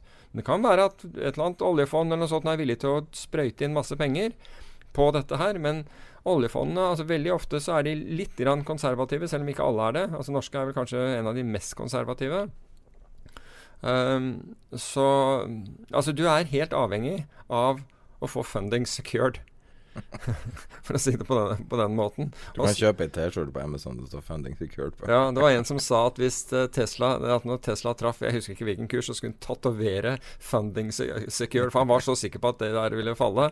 At dette var bare bløff. Så han sa når Tesla nå var i 250, så skal jeg, så skal jeg eh, tatovere 'funding secured' på, på kroppen. Men sånn som når man snakker om shortselgere, som er en enorm, et enormt red flag for et selskap å begynne å snakke om. Man burde aldri, Sjefer burde ikke snakke om det. Mm. Er ikke det beste du gjør, er ikke det bare å tjene penger? Jo, Det er den letteste måten å brenne shortselgere på. Jo. Så hvis hvis en tredjedel av aksjene dine er utlånt til shortsalg, så burde du fortelle deg noe. Ja. Begynne å tjene penger. ja. Slutt å Men han, men han sa vel også i et intervju at, at det var liksom ikke at shortselgerne altså, hadde det var, de hadde sa, altså, Det var ikke bare dumminger de hadde altså, sånn, som var shortselgere. Han ga liksom shortselgeren bitte lite grann credit. Mm. Det er jo det er ydmykt og hyggelig. Um, jeg får spørsmål om å, å hedge renteøkninger på boliglån. Kan, er litt sent ute, men ja. Mm, Ja, ikke sant. Men selvfølgelig spørs hvor høyt renta skal, da. Ja, det gjør det. Det men men hva det, kan du gjøre? Spør, vedkommende Går det an, eller, eh, eller hva, er- det spørsmålet? En million lån Ja, men hva er spørsmålet? Kan, Hedge. går det an å hedge det? Nei, han spør om du kan sette opp et eksempel på å hedge én million i lån med 2,15 i renta. Nei, jeg kan ikke Ja, hvor langt frem da? Det er alt han sier. Men la oss si fem år eller ti år. ja. Men altså, eh, Hvis du ønsker å hedge, men du kan ikke få 2,15. Det får du ikke, fordi Nei, han har et, Han har én million i lån med 2,15. ja ja, og det koster å hedge det. altså Måten å hedge det på er, er jo å konvertere det, altså ta det lånet og bytte det til fastrente. Femårs Ja. fastrente eller, eller tiårs fastrentelån. Som du da betaler mer for, ikke sant? fordi vi har en Pga. fasongen på GIL-kurven. Mm. Altså tiåringen har høyere rente, og femåringen har høyere rente. Eller lavere enn tiåringen, men høyere enn en den flytende. Så, så det er jo måten for de aller fleste. Hvis du er en Hvis du har én million i lån, så er jo det måten å gjøre det på. Hvis du er hvis du trader, så, sant, er i markedet og har tilgang til å handle andre renteprodukter, så kan du bruke swaptions og ma mange andre sånne ting. Men Jeg tror det han refererer til var for mange For nesten et år siden når vi snakka om å gå short boligmarkedet. Og da hadde du en teori på hvordan man kunne gjøre det. Men jeg husker ikke hva det var. ja, ja, det er swap-spredder. Ja. Ja, altså det er, det er jo på en måte den med Altså, OK. Hvis boligmarkedet Her, her må vi liksom ta en sånn tankerekke. Og det er at hvis boligmarkedet faller dramatisk, så vil det etter all sannsynlighet svekke bankene som har lånt ut penger til det. ikke sant? Og hvorfor? Fordi de får mindre sikkerhet for lånene sine. Ok? Og Derfor så, så svekker det bankenes økonomi og gjør de mer sårbare.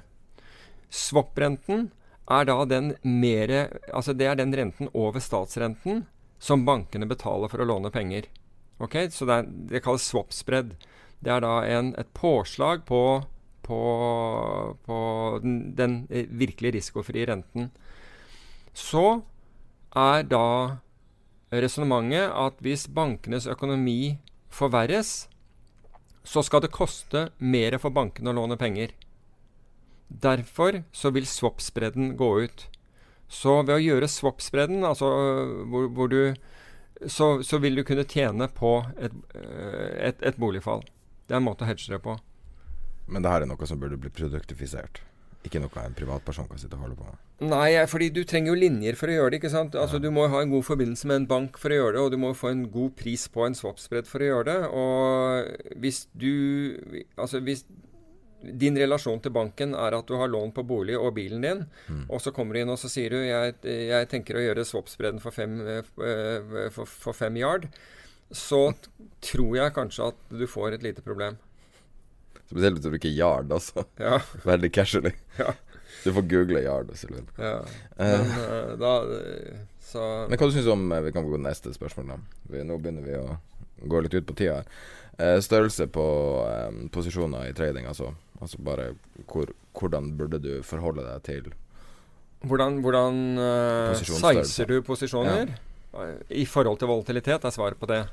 Uh, altså du bruker Altså det er mer enn en, eh, Altså det du egentlig det du, Altså dette Det kalles risk, risikoparitet. Um, og det vil si at hvis du sier at jeg Ta bare et utgangspunkt, så skal vi gå tilbake til, en eh, til, til akkurat uh, dette med posisjoner etterpå. Men Bridgewater, som er verdens eh, største hedgefond, har tjent vanvittig på dette, og kundene deres har tjent vanvittig på risikoparitet. Og det har de gjort ved å være investert i aksjemarkedet, og de har vært investert i obligasjonsmarkedet. Men de sier som, som følger at hvis du tåler aksjemarkedets risiko, så kan, og obligasjoner, statsobligasjoner svinger mye mindre. Da kan man gire statsobligasjonene, slik at du kommer opp i samme risikoen. Da har du to inntektsstrømmer som er, litt, som, er litt, som er til dels uavhengige av hverandre, men som har akkurat samme risiko. Det samme vil det være her hvis du skal ha en portefølje som, hvor, hvor, du ha, hvor, hvor du skal ha risikoparitet. Så kan du si at du kan ta og, og du lurer på et selskap som kom et eller annet risikofylt selskap på Oslo Børs. Jeg vet ikke hva det det jeg vet ikke Nei, men ta, la oss si. DNO, da. La, la oss si at du, du ville kjøpe DNO, og du er interessert i å kjøpe Equinor. Bare de der to aksjene, så vil jeg anta, fra måten du, du smilte på når du, du Nei, sa jeg det nå jeg- nei, bare, jeg- bare, Jeg vet ikke noe om ja, jeg kan bare anta Men jeg kan bare anta at det nå svinger veldig mye mer enn Jeg ikke. Equinor. Men la oss si at, la oss si at det gjør det, da. La oss si at det nå svinger dobbelt så mye som Equinor.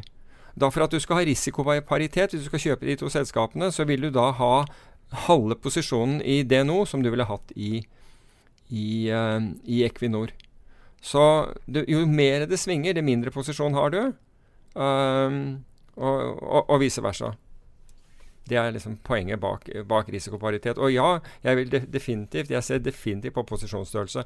Kelly-kriteriet kan du også bruke. Gullet. det. Du har snakket om det. Altså. Ja, du har snakket om det. Russland. Oligarkene kjøper gull og tar opp lån i russiske rubler for å betale skatten sin.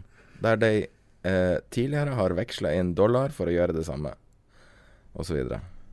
Uh, vet du noe om Russland? Hva var spørsmålet?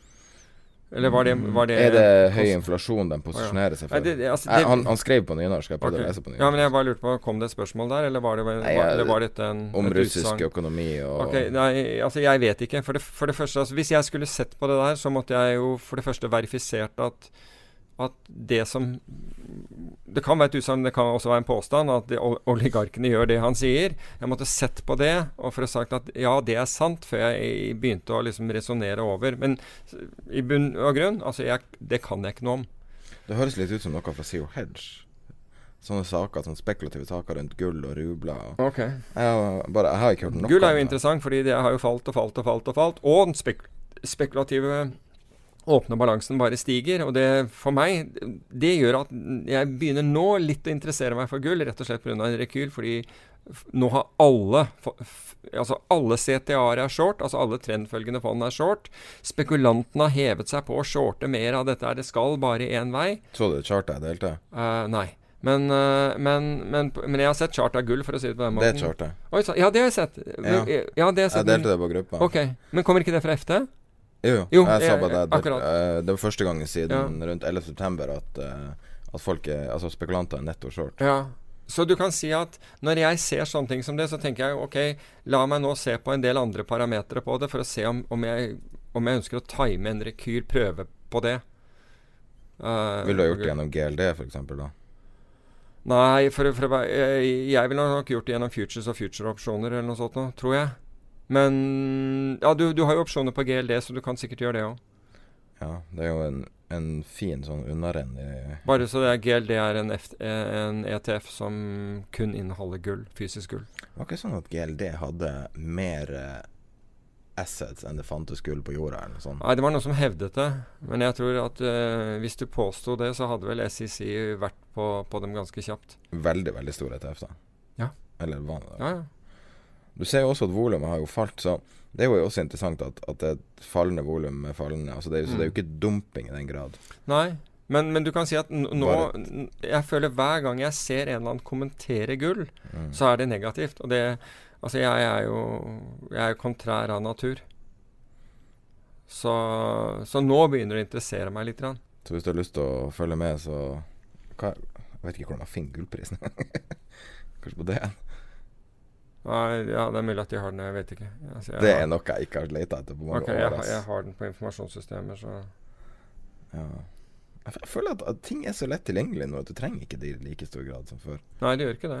Det er når du skal ha verktøy som, som er mer, altså, mer nøyaktig. 1228 dollar per unse. Ja. Også, du, men jeg ville samtidig sett på gull-sølv-ration, gull-platinum-ration og sånne ting. Gull for og å s- olje, da. Mulig. Mulig. Jeg Ja. tror oljen hadde en stor opptur som Ja. du skulle tro at det var. Ja, ja, ja, klart at den er. Men uh, altså, olje er altså, Igjen, alle skrek på at olje skulle uh, Altså, da den var til 80, skulle den til 100, og vi, nå er vi på 71, så jeg vet ikke helt hva Første, første, første olje gjorde når alle ble bull, var å, var å falle 10 Kanskje ikke så Det er jo ofte sånn. Ja. Når du Ja. ser noe på forsida av en avis, Ja. så skjer som regel det motsatte. Det har jo vist seg gang på gang på gang. Er Sør-Afrika Sør-Afrika et nytt Zimbabwe? Stor gjeldsøkning. Skal frata de hvite landeierne jord, står det her. Jeg vet ikke om det stemmer. Det er en som Ikke skriver. heller. Ikke heller. Uh, Men altså, herregud, har ikke hele verden masse gjeld? Jo. Så hvis du sier det om Sør-Afrika, så altså i hvert fall USA Ja. jeg tror, det, jeg tror det er 21 000 milliarder dollar, hvis jeg husker riktig. Hvordan, hvordan kan det ende? Ja, det er, det, er jo det, det, det er jo hele poenget, er at det er et uprøvet eksperiment, og det har jo mange sagt. Mange har jo påstått at dette er helt dette er første gang. Altså, vi har sprøytet så mye, vi har trykket så mye penger. Det er helt uprøvet, men så har det gått bra til nå. Og det, da sier hjernen vår at da går det bra videre.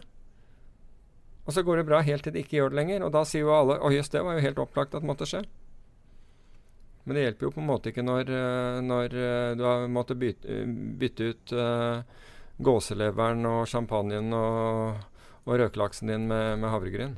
Husker du filmen 'Rollover' Mm. fra 1982, tror jeg?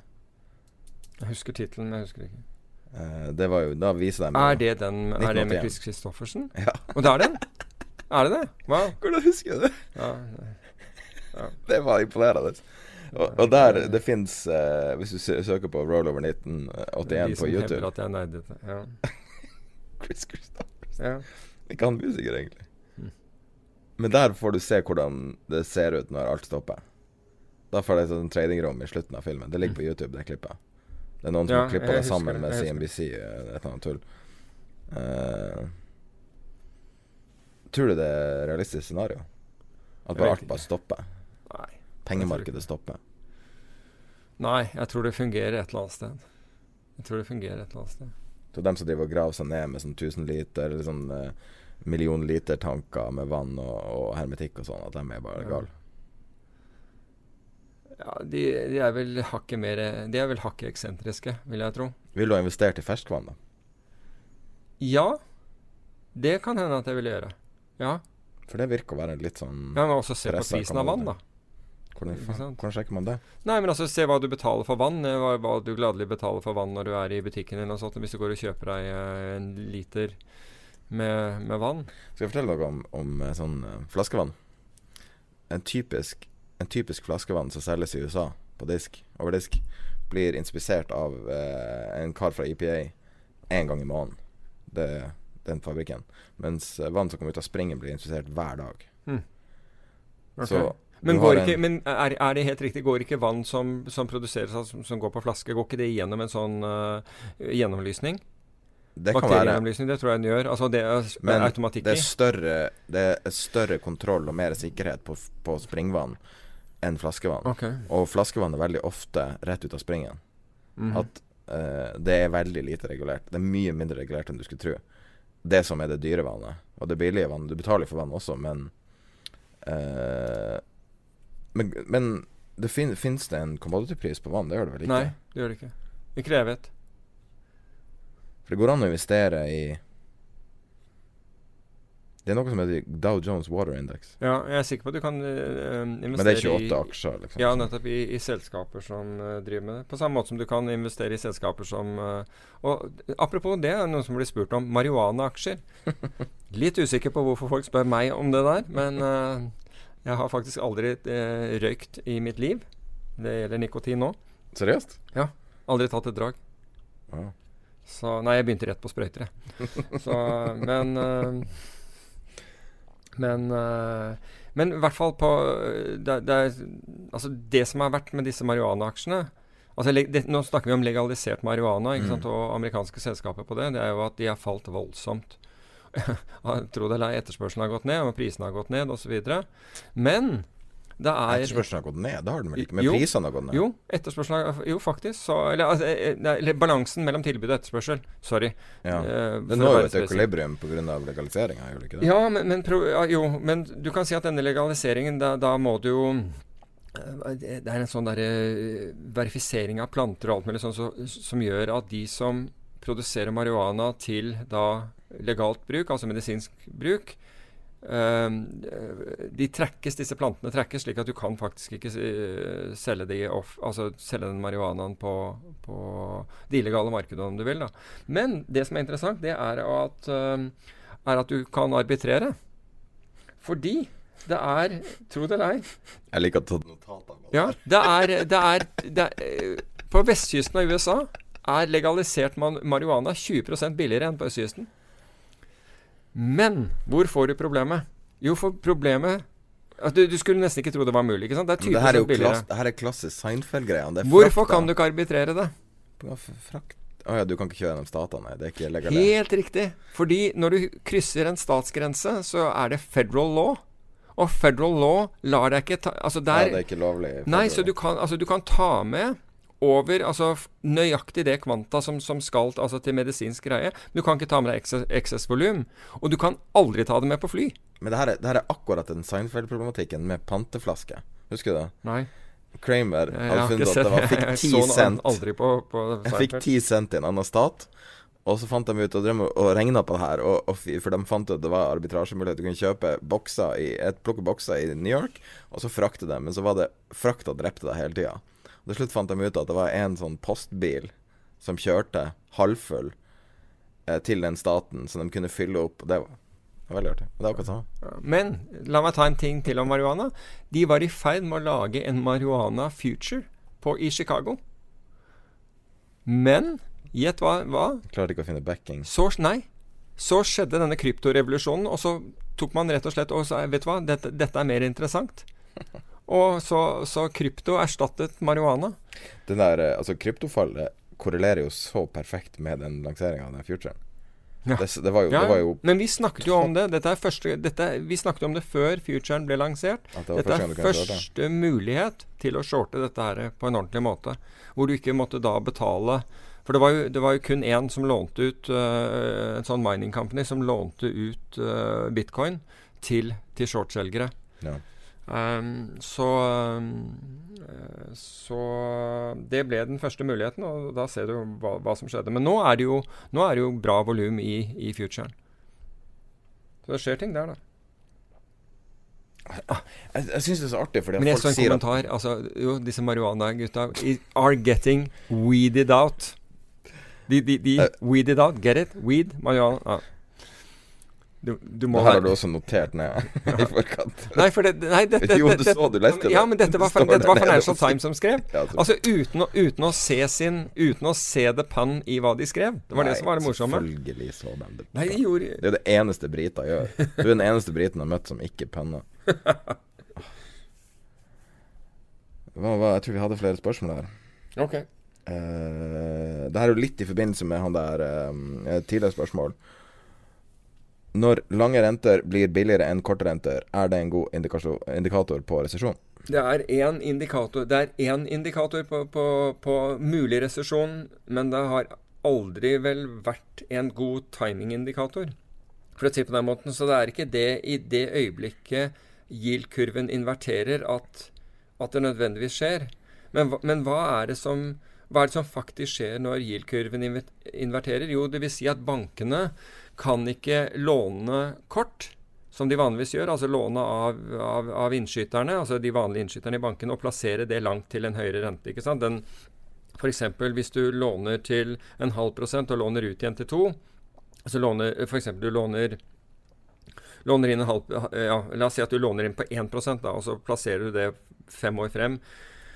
Eh, altså på en femårs uh, fastrente til, eh, til 3% så får du det imellom. Og banker lever jo egentlig av den arbitrasjen der. Å kunne låne kort, plassere langt.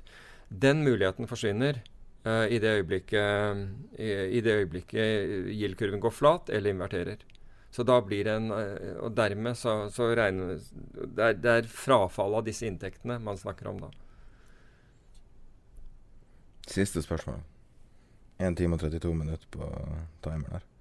Kan børsene i vest overleve og fortsette å gå opp om emerging markets og emerging markets-valuta blow up og holder seg på eh, krisenivåer? Eh, ja, fordi du, du, du glemmer det som faktisk er det viktige der, og det er, det er gjeld. Mm. Hva som skjer med gjelden. Det er mye mer Altså, nå ser du Det er liksom som oss og Det du følger med der, er, er termometeret. Men termometeret Altså, sykdommen ligger i, i, i Altså, den virkelige sykdommen ligger jo i gjelden, ikke sant? Altså, det er eh, Når gjelden i et land eh, Når et land ikke kan tilbakebetale gjelden, så, så faller valutaen. Som en følge av liksom den usikkerheten rundt der. Så hvis det er denominated i lokal valuta, så er det ikke så ille? Nei. Så du må se på gjeldssituasjonen og hvem det er som holder den, den, den gjelden. Så se litt mer på det, og da, det er mer det. Så ikke se på termometeret, men, men, men finn sykdommen. Jeg, er svaret på den. Så sykdommen er mer enn bakterien? da? Ja, eller i hvert fall hva er det som kan på en måte gjøre at vedkommende blir veldig syk. Ikke sant? Det er det du ja. Tror du finanskrisa er over? Jeg tror jeg finanskrisen er over. Um, det vet vi først når vi har reversert Nei, eller, nei jeg, jeg, tror vel for så vidt ikke det. For da hadde vi ikke fortsatt med, med pengetrykking så, så, lenge som vi hadde gjort. Og det er jo Er det ikke pengetrykking i Japan fortsatt? Jo, det er det. Det er vel noe igjen fra ECB, eller har de stoppa også? jeg husker? Nei, ECB uh, trykker. Uh, Japan trykker. Kina England. trykker. Sveits trykker. Storbritannia gjør det vel. Uh, Sverige. Ja, Sverige har negativ rente, eller hadde i hvert fall det. Ja. Altså Alle disse negative rentelandene gjør jo stort sett det. ikke sant? ja, Sveits har negativ rente også. Sveitserne, ja. I, i, hvis du ser på toårsrenter, så Japan er vel de mest aggressive nå. Altså, de, har, de, har, de, har jo fått de fikk, de fikk jo panikk når, når uh, tiårsrenten gikk til 0,11 ja, Da fikk de fullstendig noia der borte. Men, men, Dette er de som har 2% inflasjonsmål, altså bare så det er klart. Men hvordan har Japan overlevd? Hvordan har Japan overlevd? Ja, Fra så har de jo egentlig ikke det, men Ja, men de er, det, altså, det er jo noen fullt fungerende land på ja, alle måter. Det er det det, altså Med tanke på På papiret så har de jo vært screwed siden 80-tallet. Mm. Er det bare å bite tennene sammen og bare ikke akseptere at du er tapt? Jeg tror, de, altså jeg tror de, er, de jobber hardt i det landet. Ja, det er jo litt tragisk. Ja. Ellers er en ting vi burde Men det rekker vi ikke å snakke om nå. Det er uh, den Yale-forvalteren, David Svendsen, som har gått ut mot, uh, mot New York-børsen ja. og sier at de, den skader sin egen integritet med å fordelsbehandle disse høyfrekvenstraderne som de gjør, med å gi de penger og, og støtte opp om dem. Og vi må huske at helt Jo, men det, det, det er et poeng. Altså Frem til 2006 så var jo så var det jo en, en stor grad av in, in, integritet hos, hos, New York Stock Exchange. Altså det, det, det, skulle vært fair marked for alle. Men idet den gikk kommersiell, så for det første så ga man jo uh, visse tradere anledning til å se ordreboken før andre. Selv om det, ba, uh, selv om det var på uh, millisekundnivå, så fikk mm. de fordeler. De som betalte best, tenk deg det. Det gir én gruppe en fordel. Og de har fortsatt å gi forskjellige fordeler. Og nå er det ikke bare David Svendsen, men noen av de, Vanguard, noen av de største institusjonelle investorene som går ut mot, mot, uh, mot børsen, så, uh, si, og sier at, at, de har skadet børsens, at børsens integritet er, er, skadet. Og så har, børsen, så har SEC hevet seg på og sier at de vil gjøre en undersøkelse. Og nå har børsen fått panikk, og nå har de gått til sine de har, Hvor mange medlemmer er de har? 2800 medlemmer. De har gått til dem og bedt de, og, og bedt de, skrive under på et opprop hvor at, skal, at denne, denne SEC-undersøkelsen skal, skal, holdes. Men av 2800 selskaper som er på børsen, og som, de har, som, de har, som børsen selv har bedt om liksom, hjelp, så er det kun så vidt jeg har vært, enten er det 40 eller 60 som, Nei, 40 er det. 40 selskaper som har under, undertegnet på dette oppropet. Men når de sier de betaler dem, er det de der det er noen En sånn her fraction of a cent-type eh, altså betalinger de, du får, en sånn avgift du får returnert. Ja. For jeg har ja. regna på det der en gang, for det jeg husker det var det, det for masse år siden. Det dreier seg om store beløp. Det dreier seg om virkelig store beløp nå. Fordi børsene dreier seg om volum. Det mer volum du har, det, det ja, Du får betalt for å stille volum på et eller annet vis. Ja, men de, de stiller jo ikke volum. De handler volum. De, de stille gjør de jo ikke. De angriper alle, alle priser som er der. Men de det første var at de ga, ga, disse anledning til å se ordreboken før andre. Men det er to forskjellige saker, det er det jeg prøver å si. Ja, og så den andre tingen Det var den første tingen de gjorde. Uh, den andre tingen de gjorde, var at de, de lot, uh, at de lot uh, enkelte aktører handle på, på desimaler som andre ikke så. Ja. Slik at du hoppet, du, du hoppet, frem i køen. Det var en desimal der som ikke, man ikke så. Og så, er det disse rabattene som de da gir. Ja, jeg, jeg, tror det kalles discount et eller annet. Ja, discount rate eller discount fee eller rebate, uh, uh, Det er en sånn rebate rate som de, som de får. For jeg regna på det der en gang, for jeg husker det var en av de her For det er jo litt sånne galninger i det der anti-algo-miljøet Spesielt for sånn ti Ja, no, noen er det, men, men, år her, men det, dette er ikke galningene i anti-algo-miljøet. Dette er de store institusjonelle investorene som sier at dette her er ikke ålreit. Men er det her virkelig et så stort problem fortsatt? Ja, de hevder det. Og det er, det er, altså det er noen av de, USAs største investorer, altså institusjoner, de som virkelig bruker børsen, eh, som, som uh, går ut nå mot, mot børsen. Så jeg tror det er verdt å, verdt å følge med på. Og det er jo interessant at det er David Svendsen, altså norskrettet uh, forvalteren, altså han som er eh, hva heter det, CIO, hva heter det på norsk, Eh, investeringsdirektøren til Yale-fondet, som er det som, som går ut offentlig med dette. Han står det ikke mye om ideen, altså.